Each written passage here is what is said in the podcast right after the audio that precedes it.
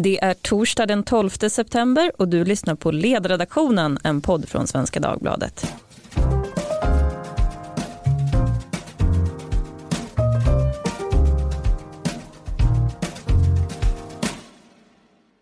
Jag heter Lydia Wåhlsten och idag ska vi prata om varför slutnotan för offentliga projekt så ofta blir mycket högre än det var tänkt. Men innan vi gör det så tänkte jag säga åt dig som lyssnar att gå in på din app i telefonen som heter Podcasts. Sök efter ledarredaktionen, scrolla längst ner och betygsätt oss. Och gärna får du också skriva en liten kommentar.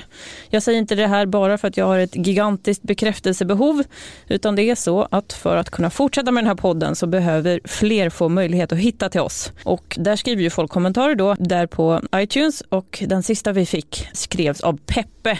Och Peppe skrev så här då, intressanta gäster och ämnen, ett måste för den som vill hänga med i aktuella ämnen. Så tack säger vi till Peppe och vi ser fram emot fler recensioner. Men nu ska vi prata om offentlig statliga projekt. Sedan 1915 äger nämligen Stockholms stad den anrika saluhallen Östermalmshallen på Östermalm. På Östermalm kallas den här också kort och gott för Hallen. Idag så kan man då läsa i Dagens Industri att den renovering som pågår av den här saluhallen nästan är två år försenad och att slutnotan kommer att bli hela en miljard kronor.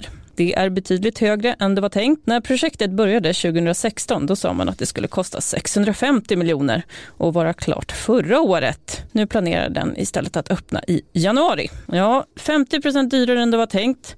Alla som har renoverat en lägenhet vet att det kan uppstå problem under tiden. Men skulle en renovering dra ut så här mycket på tiden och kostnaden blir så mycket högre, ja då skulle nog de flesta ligga sömnlösa. Så gör våra politiker det. Det ska vi prata om idag och det gör vi med Dennis Vedin, fastighetsborgarråd i Stockholm med ansvar för projektet. Välkommen. Tack så mycket. Med mig i studion har jag också Erik Lackoma, forskare och chef för forskningsinstitutet EHFF på Handelshögskolan som har eh, studerat just offentligt beslutsfattande kring exempelvis sådana här investeringar. Välkommen. Tack så mycket. Till höger om mig sitter en alltid förtjusande chef, Tove Livendal. Jag är förtjust. Är du svartklädd idag? Ja, det är Det är sorg när skattebetalarnas pengar ringer iväg. Varenda dag är det det. Min första fråga till er idag är det så här. Är ni förvånade över att Östermalmshallen blir så mycket dyrare? Ja eller nej? Upprörd men eh, inte förvånad. Man kan ju inte lita på sossar när det kommer till att hantering av skattepengar. Så att eh, det är väl mitt korta svar. Erik?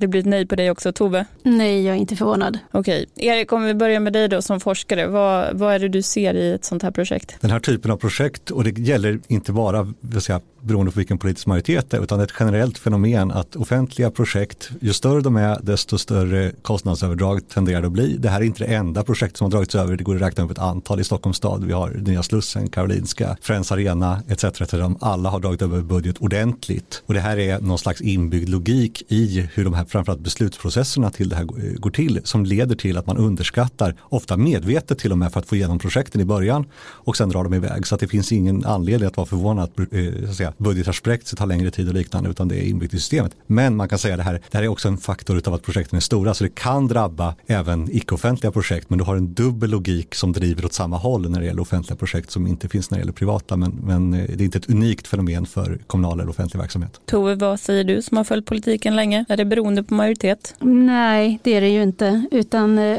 man, man kan hitta också ibland oheliga allianser till att kostnader ska få dra iväg. Jag har ju en liten blygsam erfarenhet från kommunalpolitiken i Uppsala och Ehm, jag minns inför millennieskiftet så skulle ju detta firas på olika sätt. Det kunde man inte överlåta åt medborgarna själva utan det skulle kommunen vara inne och göra. Och det var tablettaskar med tryck på allt möjligt. Och både borgerliga och eh, vänsterpolitiker hade liksom olika argument men det landade ändå i kostnader för skattebetalarna som var rätt onödiga tycker jag. Så att det är tyvärr inte avhängigt majoritet. Dennis, du hänvisade till Socialdemokraterna. Vad var det de gjorde fel då? Det, det handlar om uppemot 2 miljarder i kostnadsökningar i stora fastighetsprojekt som man hade under förra mandatperioden nu. Eh, och det är ju det som jag har som största mål att, att reda ut nu efter att vi tagit över den nya grönblåa majoriteten nu sedan oktober. Och en av de saker som dykt upp var ju snabbt det här projektet och här har man ju kommit så pass, pass långt. En eh, intressant aspekt är ju att man också eh, tagit in en hotell hotelldel i projektet eh, som eh, står för ungefär 30 procent av, av kostnaden. Eh, och då, där kan man ju, om, vi, om vi säger så här då, en, en viktig utgångspunkt för mig i alla fall är ju att vi ska hela tiden ska kolla på vad är det en kommun egentligen ska äga och inte. Vad finns ett syfte till att vi, att vi äger? Och det är ju aktuellt i det här projektet, det är ju aktuellt även i många andra projekt också. Så du vill sälja Östermalmshallen på sikt? Östermalmshallen kommer nog inte alls att bli, att bli, att bli såld. Det skulle vara, det, dels finns det politiska realiteter kring det. Eh, dels har, har ju staden gjort en sån stor investering så nu är det ju dags att få, att få in intäkter för den. Eh, det är ju fler handlare som kommer in nu. Det är ju en ökad kapacitet i hallen som gör att vi räknar med att kunna få in, det är ju marknadshyror och vi räknar med att få in eh, mer pengar. Eh, och det ser vi ju såklart eh, fram emot i att det också kommer bli fler besökare. Men en, en viktig aspekt är faktiskt att fastighetsnämnden har inte tillräckligt haft koll på kostnaderna och projektstyrning är någonting som vi jobbar stenhårt med att få in kompetens till i, i stadshuset eh, och att vi, vi ska göra en oberoende utredning också för arbetssättet eh, inom fastighetsnämnden. Allt för att undvika, för en viktig aspekt här eh, som, som, eh, som var inne på tidigare är ju att när kostnaderna ökar så måste ju någon skrika till. Eh, och det är, det är ju viktigt att det går, kommer upp till rätt beslutsnivå. När, vi, när man märker att man står inför ett vägskäl, kommer det här öka kostnaden tillräckligt mycket, ska vi gå vidare eller inte? Där tror jag att man har brustit i Stockholms stad och, och det är någonting som vi ska göra upp med. Jag måste bara säga att när Östermalmshallen byggdes 1888 då tog det sex månader från att projektet började tills dess att det avslutades. Trots hundra år av tillväxt och innovationer tar det alltså drygt åtta gånger så lång tid att renovera kåken. Hur är det här möjligt? Det finns väl i och för sig en, en ganska vanlig förklaring till som, som forskningen har beskrivit. Och det är någonting som brukar kallas för lock-in, att man bestämmer sig tidigt i projektet exakt hur det ska se ut. Och när det eh, blir designmässiga förändringar eller att man märker att det av tekniska skäl inte går att bygga på det här sättet så står man fast vid detta och, och eh, tar kostnaden för det. Det skulle väldigt sällan göras om det här var en kommersiell verksamhet. För de ska säga okej okay, den här fabriken kommer aldrig löna sig om vi fortsätter bygga så vi, vi drar proppen och eh, lägger ner det här projektet. Det gör inte politiker, de säger inte nej det blev för dyrt, vi kommer kommer eh, riva hallen och bygga någonting annat istället. Utan man har bestämt sig för att det ska se likadant ut. Det finns bättre exempel än, än Östermalmshallen på det här har skett. De har bestämt sig för en viss teknisk lösning som kanske sen inte är möjlig att genomföra eller att det ska vara på en viss plats eller liknande. Och då får man de här effekterna. Men det, det är en kombination av att man från politisk väg bestämmer hur saker och ting ska se ut, hur det ska fungera, hur, det, hur tekniska konstruktioner ska se ut i kombination med att det oftast inte finns kompetens för att göra de här besluten i de politiska organisationerna fattar besluten. Dennis, är det här ett problem att man har kvar vid de första visionsskisserna? Och en annan fråga är, när beräknar staden att gå break-even på den här investeringen? Break-even får vi väl se om det händer under min eh, livstid. Nej men det, det, är klart att det kommer, det är väldigt mycket pengar och, eh, och eh, det hoppas vi såklart ska ske på så snabbt som möjligt i det politiska svaret. Men en viktig aspekt i, i detta och som jag inte kunde lägga ut texten på, på igår med journalister som snappar upp snabba citat är ju att Östermalmshallen är upphandlad i en delad entreprenad och det innebär att man har skrivit avtal med en hög entreprenörer som ventilation och elektriker och målare och golvläggare. Och det här rör sig om cirka ett 20-tal entreprenörer och på andra sidan så har vi ett stort antal handlare med specifika önskemål. Och den här delade typen av entreprenad innebar en jättesvår och omöjlig samordning som har försenat projektet. Det har varit i, i delar så har man har det stått still i vissa delar för just för att man väntar in en handlares enskilda önskemål kring en viss yta. Eh, så att en viktig lärdom jag har dragit av detta är att eh, det är snarare så att vi borde ha ja, samverkansentreprenader, en entreprenör samordnar alla underentreprenörer. För vi kan inte hålla på och jobba på det här sättet. Jag tror att det här har varit en, väldigt, en faktor för just hur det blivit försenat och fördyrat. Mm, det låter ju också som att man har låst, låst in sig kring vilka handlare som ska vara i hallen. Ja, där finns det ju, precis, det blir 18 handlare nu vilket blir lite fler än, än man hade eh, tidigare.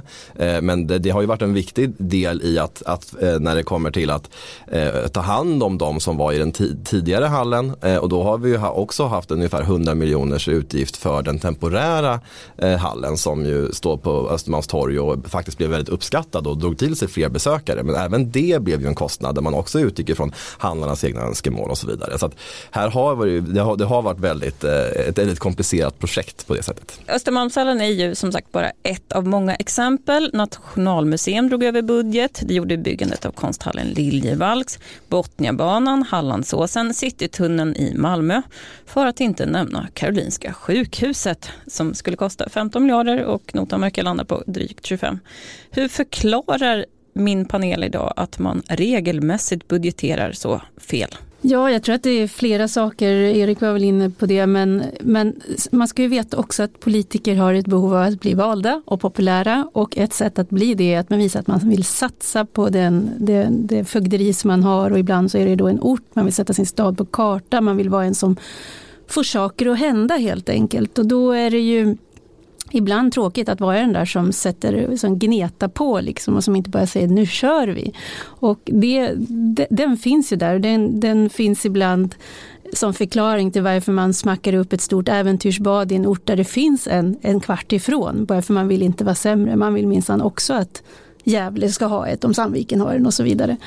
Eh, så den drivkraften, den enkla, att du behöver bli populär som politiker för att bli framgångsrik, den ska man inte underskatta. Och det gör väl att en del kritiska frågor uteblir.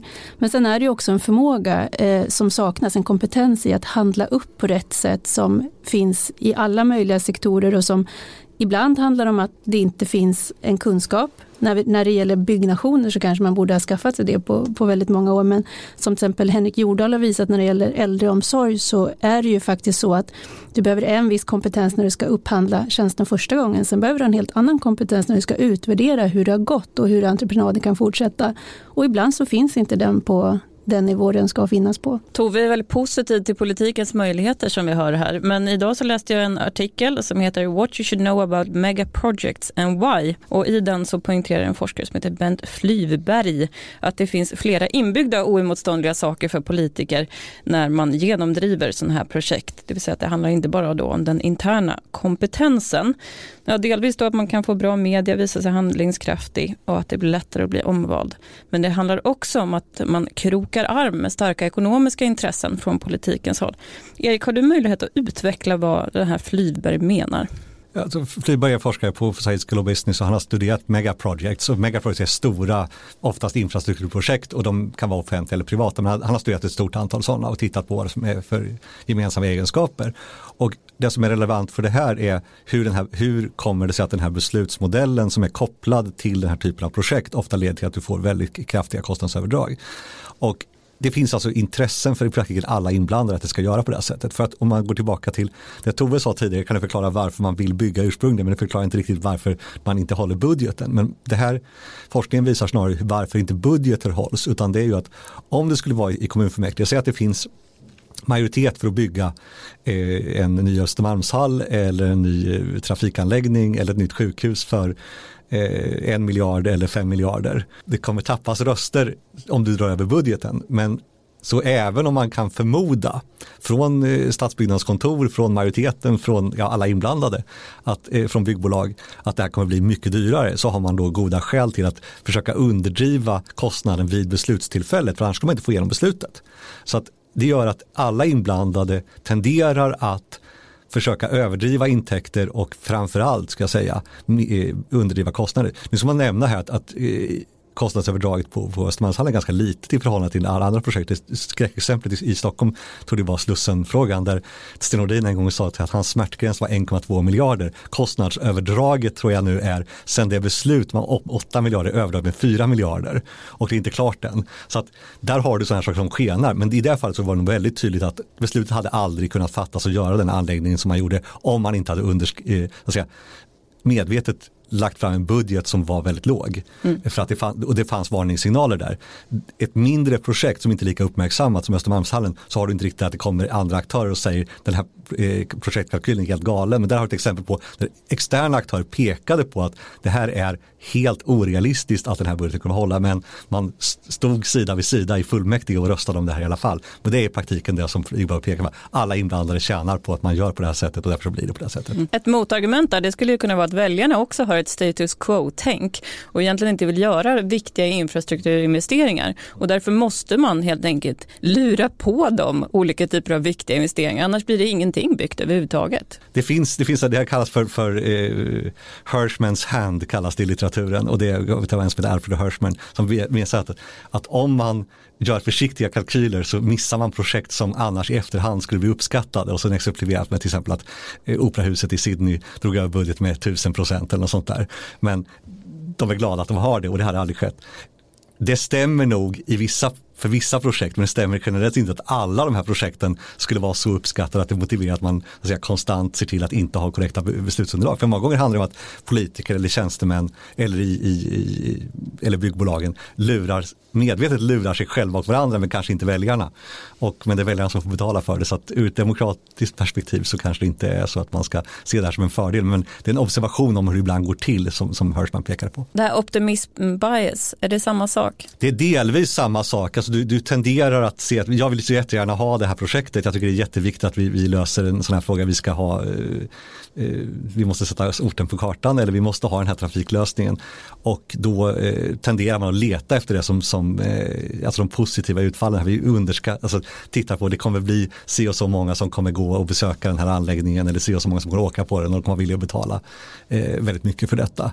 Medan om det finns eh, uppgifter om motsatsen så kanske man inte ser dem som, som eh, tillförlitliga på samma sätt eller, eller viftar bort dem. Så det finns alltså en optimism bias i, i de här projekten. Men den hör ihop med den här att du har incitament till att ha optimism bias i beroende på hur de här projekten ser ut. Och det här skiljer sig ganska påtagligt från hur man skulle göra om man gjorde en produktkalkyl eller investeringskalkyl i, i om man skulle bygga en ny fabrik. För då måste det löna sig, annars så kastar man bort eh, aktieägarnas eller sina egna pengar. Mm. Så att där har du det, men det, det finns en sån. Jag måste säga att jag träffade en managementkonsult på en stor byrå som jobbar med revision av mm. Slussen. Mm. Och då fick jag lära mig att budgetposter under 5 miljoner kronor, de tittar man inte alls på. Så om man vill gömma undan saker då ska man lägga ner dem under 5 miljoner. 5 miljoner för att eh, så låga eh, budgetposter går man helt enkelt inte igenom som revisor. Så det, det finns möjligheter att dumpa ner kostnader som inte är motiverade. Nej, det, här, det, här pekar alltså, det här är en av eh, resultaten som, som Flyborg pekar på. Att ju större projektet är, desto mindre blir så här, procentuella avvikelser. Och har du väldigt små, att det avviker en procent här så blir det kanske en miljon i ett stort projekt. Men eh, 50 000 i ett mindre projekt. Och det spelar roll när du adderar upp alla de här procentavvikelserna. Och det är i praktiken exakt vad du säger på att revisorer tittar inte på småposter. Men en småpost skulle man inte göra om man byggde en villa, säga att, att det här spelar ingen roll. Men om man bygger för 12 miljarder så då struntar man i det. Men då kanske det är en bra lösning då som Dennis lyfter, att man, har, man upphandlar eh, med många fler aktörer? Alltså det löser inte grundproblemet, just att, att man har ett, ett, ett skäl att eh, kostnader, funderar, att man tenderar att underdriva kostnader när besluten fattas. Det löser man inte genom upphandling, det löser man på annat sätt. Det är ett ganska svårlöst problem. Det är för att ta andra sådana här exempel, det, det, är till och med så att det finns problem att lösa det här med fastprisavtal där det ändå finns viten och sånt inne. Därför att när man väl har börjat ett sånt här spektakulärt projekt och säger nej vi höll inte budgeten, vi kommer inte kunna fortsätta om vi inte får fyra miljarder till. Så kommer då kommunen välja, ska vi stå med en halvfärdig lösning som blockerar stan eller ska vi ge Skanska eller Peab eller NCC fyra miljarder till för att de vill ha det. Eh, och då blir det så att man återigen har gemensamma intressen både från beställare och utförare att kostnaden ska bli högre. Jag tänkte att vi ska studsa tillbaka frågan till Dennis då som sitter då i det här första ledet när beslutet fattas. Du sa då i media igår att eh, ni ska försöka dra lärdomar av det här.